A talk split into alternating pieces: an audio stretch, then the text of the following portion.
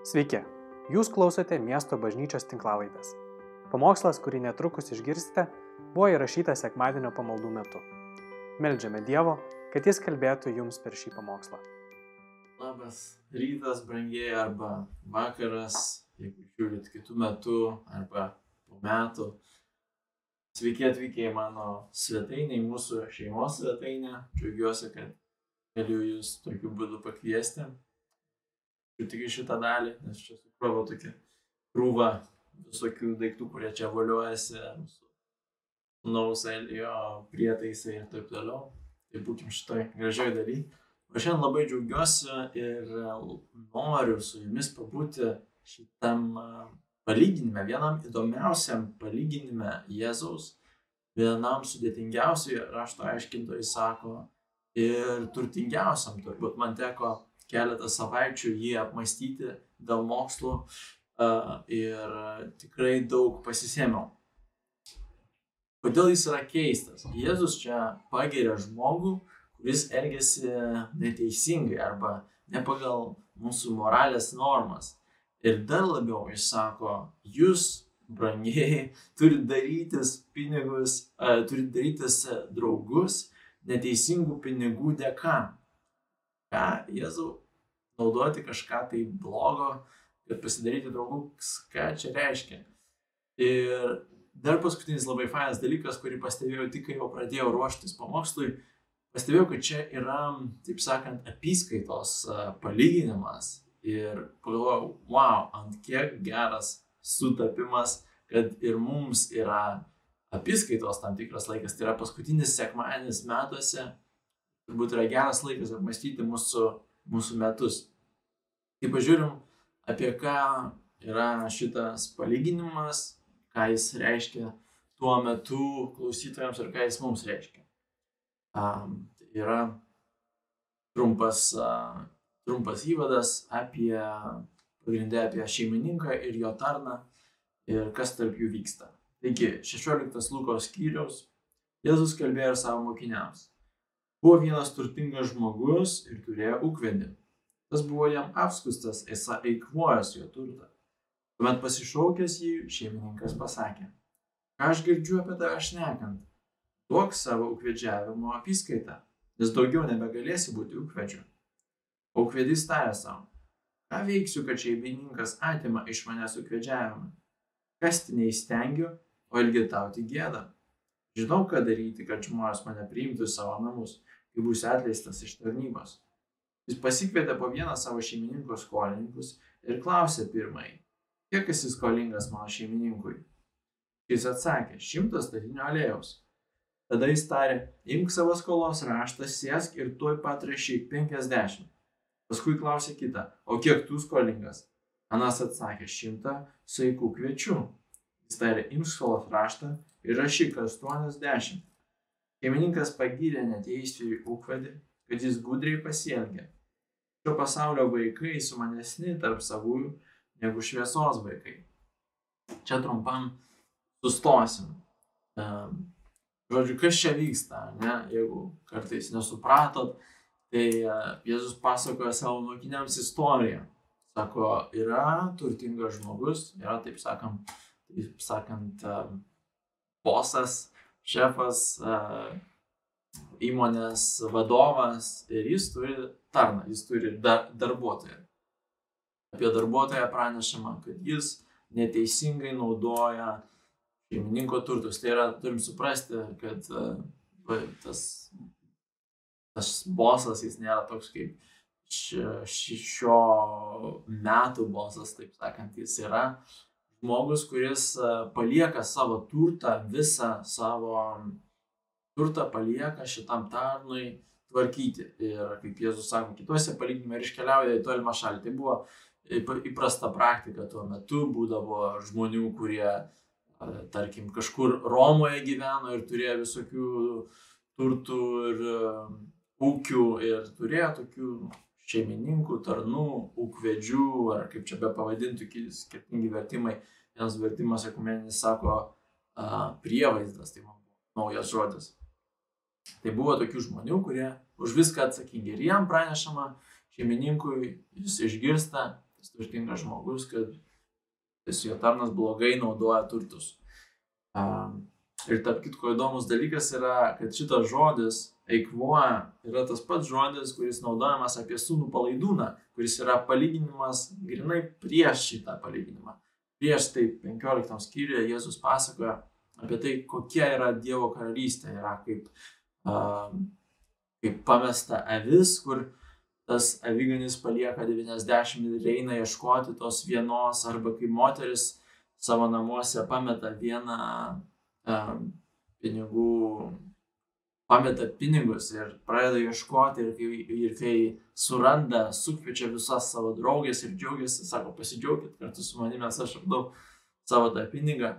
Arba sako, kaip žmogus, kurio sunaus jį paliko, jį išniekino, visai sako, atiduok man savo, mano, mano paveldą, tai yra ir tas pats, kaip sakyti, aš norėčiau, kad tu greičiau mirtum, eina ir pra, visą tą turtą išeikvoja. Tai yra žodis, kuris reiškia uh, išnaudojo, iš tikrųjų jis ne visada naudojamas tas žodis blogąją prasme, bet va šituose dviejose vietose yra vienintelės dvi vietos, kuris yra naudojamas blogąją prasme. Kitur gerąją prasme naudojamas kaip pavyzdžiui um, sėti sėklą arba išmėtyti sėklą. Tai vad galbūt tas žodis būtų geras išmėtyti šitie du žmonės ir sūnus palaidūnas iš, išmėtė tiesiog be, tą duoda poskonį tokį supratimą žodžio, beprasmiškai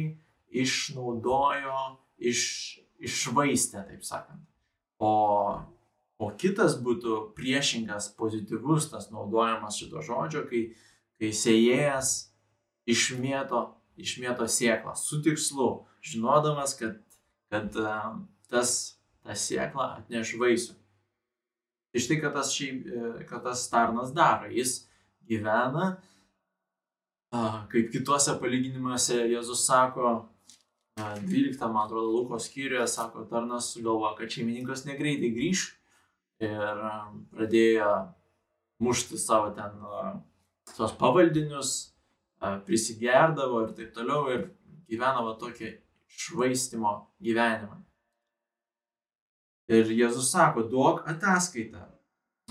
Ne Jėzus, o šeimininkas tame, tame palyginime sako, duok ataskaitą, nes nebegali būti šeimininku. Žodžiu, aš tave išmetu, išmesiu iš darbo, tu esi fired, tu esi, pamiršau lietuvišką žodį, tu, tu esi, uh, žodžiu, nebegali čia dirbti, bet turi duoti man ataskaitą, kad aš galėčiau kitam perduoti, ne, su kuo tu dirbai. Tai jis supranta, kad jam lieka dar kažkoks tai gabaliukas to laiko, kol jis dar turi valdžią, kol jis dar turi e, savo šeimininko mm, duotą valdžią, nes ne savo valdžią, bet kol dar jis yra savo rolėje, kol dar sutartis nebaigta, jis dar gali vykdyti tas pareigas, tas pačias ir jis greitai sugalvoja, ką jis gali veikti, sugalvoja dar gudresnį planą. Tai jis prieš tai buvo švaistantis ir visai blogas arba amoralus, gyveno tokį netinkamą gyvenimą ir jis dar sugalvoja paskutinę dar gudrybę vietoj to, kad atgailauti, jis sugalvoja, kaip dar savo šeimininką ap, apvokti arba apgauti, kad jam būtų gerai, savanaudiškai, ne? Ir sugalvoja, kad padarys taip, kad jis pasikvies skolininkus šeimininko, kas jam kiek buvo skolingas, sako, okei, okay, tu tiek skolingas, šimtą tūkstančių eurų, gerai, tu dabar skolingas tik 50. Ir jis ką padaro, kaip mafija, ar nežiūrėt, tą krikštatėlę, ne, kaip prasideda pirmas filmas, ateina tas kažkoks žmogus, prašo pagalbos, paslaugos, sako, gerai, kiek, jis sako, gerai padarysiu, sako, kiek aš tau sumokėti turiu. Nieko, viskas gerai. Kada nors tu man atlyginsi, aš tave pasikviesiu, dabar viskas gerai. Tai, va, tai yra ta, ta pati, kad tas uh, tarnas daro, tai yra įprastas, visiškai normalus reikalas uh, Romos imperijoje, taip elgtis visi buvo tame santykė, visi kažkam skolingas, visi kažkam skolingi ir galų gale visi skolingi yra uh, Cezariui, ar ne? Tai ką jis padaro? Jis padaro tos uh, savo šeimininko uh, tarnus arba tie, kas buvo skolingi šeimininkui, jis padaro juos savo skolingais dėl šeimininko, iš šeimininko turto. Ir tas, bet punchline, angliškai yra tas pasakymas, kaip kiekvienam, kiekvienam pasakojime, kiekvienam e, bairė yra toks momentas, kur viskas apsisuka ir kur pasidaro jokinga. Tai Jėzaus palyginime yra visada toks pat momentas. Kažkas ko niekas nesitikėjo ir tai turi kažkokią tai reakciją iššaukti klausytoje. Tai punchline arba tas vat, posūkis, nes netikėtas yra, kad šeimininkas, šitas tarnas, ne šeimininkas, o tarnas, ūkvedys yra pagirtas už savo elgesį. Jėzau turi mums paaiškinti. Ir Jėzus bando paaiškinti, sako, Sunta eilutė šeimininkas pagirė neteisį ūkvedį, kad jis gudriai pasielgė. Šio pasaulio vaikai sumanesni tarp savų negu šviesos vaikai. Turbūt neiškumas kyla iš to, kad mes galvojam apie moralumą ir nemoralumą jo veiksmų. O Jėzus į kitką dėmesį deda. Dėmesys čia yra į tai, kad, kad tas žmogus suprasdamas savo situaciją, nusprendė veikti. Jėzus savo mokiniams sako, kad jūs tuo labiau turit suprasti savo situaciją, jūs turit suprasti situaciją, kad manyje į pasaulį atėjo didysis pokytis, manyje istorija viso pasaulio keičiasi ir jūs nebūkit kvailiais, ne, negyvenkit toliau gyvenimą, kaip, kaip gyvenot prieš tai, jūs turit uh, atsakyti kaip nors, jūs turit daryti kažką. Šitas žmogus yra pagirtas už tai, kad jis gudrus buvo. Gudrus yra tas pats žodis, kaip kitur verčiamas kaip išmintis, iš, išmintingai pasielgė. Suprato situaciją, suprato trumpumą savo laiko, kiek jam liko ir nusprendė kažką dėl to daryti. Jėzus savo mokiniams sako, jūs dar labiau esate situacijoje, jūs esate amžinoje situacijoje, šio pasaulio vaikai, tai yra šitam trumpalaikiame pasaulyje, šitam trapiam, šitam keliasdešimt metų žmonės, kur gyvena, jie supranta, kad reikia kažką daryti, keisti savo elgesį, veikti, kai, kai mato, kad artėja kažkokia tai krizė. Jėzus sako, artėja dar didesnė krizė ir jau priartėjo, kai sako, karalystė yra jau tarp, tarp jūsų, aš esu karalystėje karalystė man jie ateina į jūsų tarpą, naujas, naujas būdas gyventi, naujas, nauja istorija prasideda man jie. Jis sako, nebūkit kvailiai, teisingai reaguokit į, į laiką. Um, taigi, pažiūrim, ką, ką tai reiškia reaguoti. Ir, ir ką reiškia, kad Jėzuje visų pirma atėjo naujas uh, supratimas, ką Jėzus, kokį mąstymą Jėzus keičia. Visų pirma, jis keičia tą mąstymą, kad um, jis yra šeimininkas, mes esam tarnai ir mes pažiūrėsim dar, dar toliau apie tai. Visų pirma, jis sako, kad jūs esat viskuo skolingi, niekas čia nėra jūsų. Uh, šitam pasauliu viskas yra laikina, svetima ir kokiais dar naudoja žodį Toliau um, laikiną svetimą ir, ir smulkmeną. Tai e, jūs žiūrėdami iš šitos dalykus supraskite, kad ateinančiam pasaulyje turtai yra tikri, turtai yra jūsų bus, jo nebesvetimi ir dideli. Um, ir š, naujas dar dalykas, ką Jėzus atneša, kad iš kiekvieno yra pareikalaujama ataskaita. Ne? kad mes esam šitam laike, trumpam laike, prievaizdai, ūkvedžiai, vadybininkai, tarnai. Mums viską, ką mes turim, yra ne mūsų ir iš mūsų bus pareikalauta ataskaita iš to, ką mes darom. Tai kokį atsaką Jėzus reikalauja, kokį atsaką Jėzus nori iš, ką jis tikėsi, kad mokiniai atsakys į šį va, tokią naują realybę, kad jie supranta gerai, okei, okay, Dievas yra šeimininkas, aš esu tarnas, viskas yra ne mano, uh, viskas yra Dievo ir tai, tai ką reikia daryti. Um, Jėzus atsakas yra, skaitykim toliau. Ir aš sakau jums, darykitės bičiulių neteis, neteisiosios mamonos dėka, kad jūsų galai atėjus. Arba kitas vertimas, man atrodo, geriau sako, ekumeninės, arba jis sako, kai pasibaigs neteisė, neteisėta mamona, arba kai pasibaigs pinigai, kai pinigai um, išnyks, kai jų nebeliks, va taip, va, gal geriausia, kai pinigų nebeliks, jie priimtų jūs į amžinosius namus. Jėzus sako, darykitės draugų, pinigų dėka, kad draugai priimtų jūs į amžinosius namus.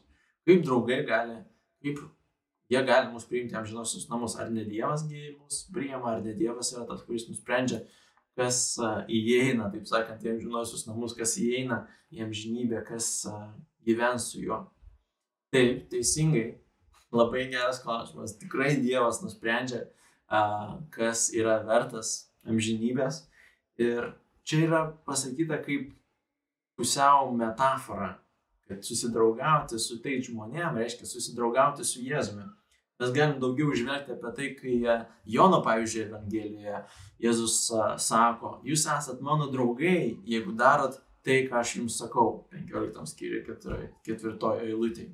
Arba mato 25 skyriuje kalba apie mažiausiosius iš šių, sako, kai darot kažką mažiausiam iš, iš šitų, tai darot man, kai čia yra primena tas palyginimas arba jo palyginimas apie oškas ir ožius.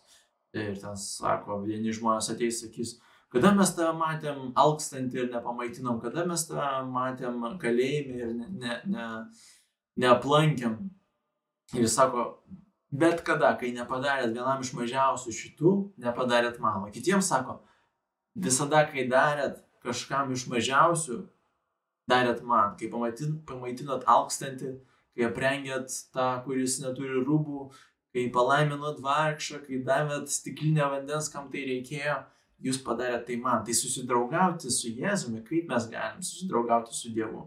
Mes susidraugaujam su juo per uh, darimą tai, ko jis sako, per mylėjimą tų, kuriuos jis myli, per ieškojimą tų, kurios jis ieško. Vėlgi grįžtam prie 15 skyrios, ar ne, kur tėvas ieško nusidėjėlius, kuris ieško tą pasimetusią avį, kur e, priima sūnų palaidūną atgal į namus, ar ne? Tai e, mes taip susidraugaujam su juo, kai, kai darom tai, ką jis daro, kai darom tai, kas jam svarbu, kai susitapatinam su jo širdimi.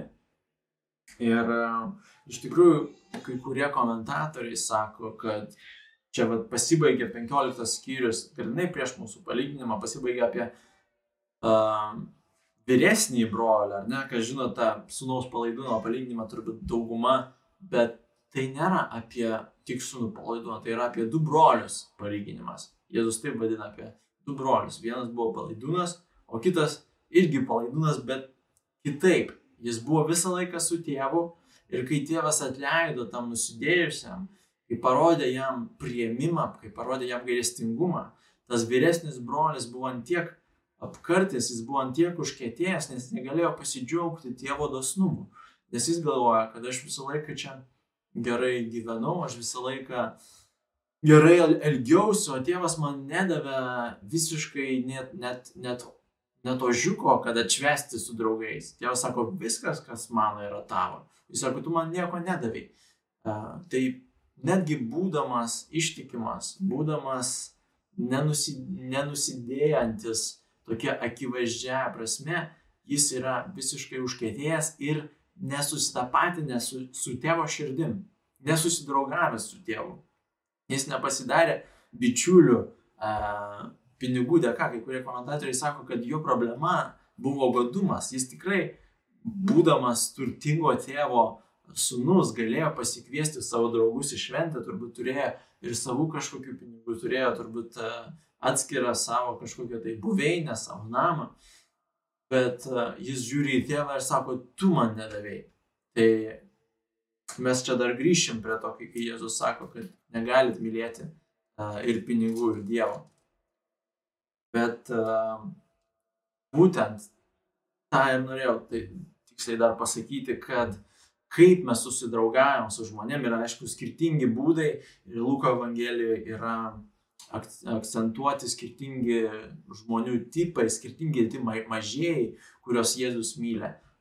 Ne, mes žiūrime ketvirtą skyrių, kur Jėzus įvardina savo, savo misiją, ką jis atėjo daryti.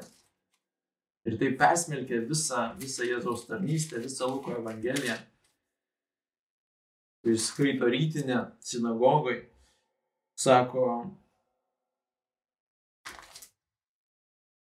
viešpatės dvasia ant mane, nes jis patepė mane skelbti gerąją naujieną vargšams, pasiuntė mane gydyti tų, kurio širdis sudužusios, skelbti belaisviams išvadavimo, akliesiems regėjimą, siuntė vaduoti prislėgtų ir skelbti maloningųjų viešpaties metų.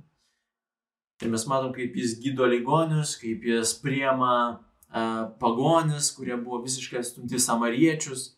Bet šitoje vietoje Lukui evangelistui labai įdomus būtent pinigų naudojimo klausimas. Jis sako, būtent pinigų dėka, kaip jūs pasiekėt, kaip jūs pasiekėt tos prislėgtosius, vargšus, akluosius ir vis, visai marginalizuotus, taip sakant, žmonės kaip jūs naudojat šitą laikiną turtą, kad, kad ieškoti tų žmonių ir tokiu būdu susidraugauti su Dievu. Žiūrim toliau Jėzaus mokymą, ne? Ką sakiau apie smulkmenas. Kas ištikimas mažame dalyke, tas ištikimas ir dideliame. O kas neteisingas mažame, tas neteisingas ir dideliame. Ir kitas tas vertimas sako, kas ištikimas smulkmenose, bus ištikimas ir, ir dideliuose dalykuose. Man patinka tas žodis smulkmenas. Jis sako, viską, visas šitas gyvenimas, visa, viską, ką mes turim gyvenime, yra smulkmena. Palyginus su tuo, ką, kas yra tikras gyvenimas. Dar sako, kad jei nebuvote ištikimi tvarkydami neteisėją mamoną, tai kas jums patikės tikruosius turtus? Ir čia reikia turbūt atsakyti klausimą, ką reiškia neteisėja mamona. Ar tai reiškia, kad visi pinigai yra blogis? Ir atsakymas yra ne, Jėzus negalvoja šitokiuose kategorijose, kad blogai ar gerai, ne apie moralumą eina kalba. Jis kalba apie vertę, vertę tų turtų. Neteisinga mamona reiškia realiai šio pasaulio pinigai. Yra šio pasaulio pinigai ir yra kito pasaulio pinigai. Jis sako, naudokit šio pasaulio pinigus, kad gauti kito pasaulio pinigus, kad gauti kito pasaulio turtus. Man patinka Augustinas šventasis, kaip kai kurie jį vadina, um, jis sako, net nevadinkit, kalbėdamas apie šią vietą, net nevadinkit pinigus turtais, nes tai, ką vadinam turtu, tai išaukštinam savo širdį, o ką išaukštinam, tą ir pradedam mylėti. Jis sako, jeigu turi namą, nevadink tai turtu, jeigu turi uh, mūsų laikojas kažką tai gero, nevadink tai turtu. Vienintelis tavo turtas yra Dievas. Vienintelis turtas yra amžinas turtas.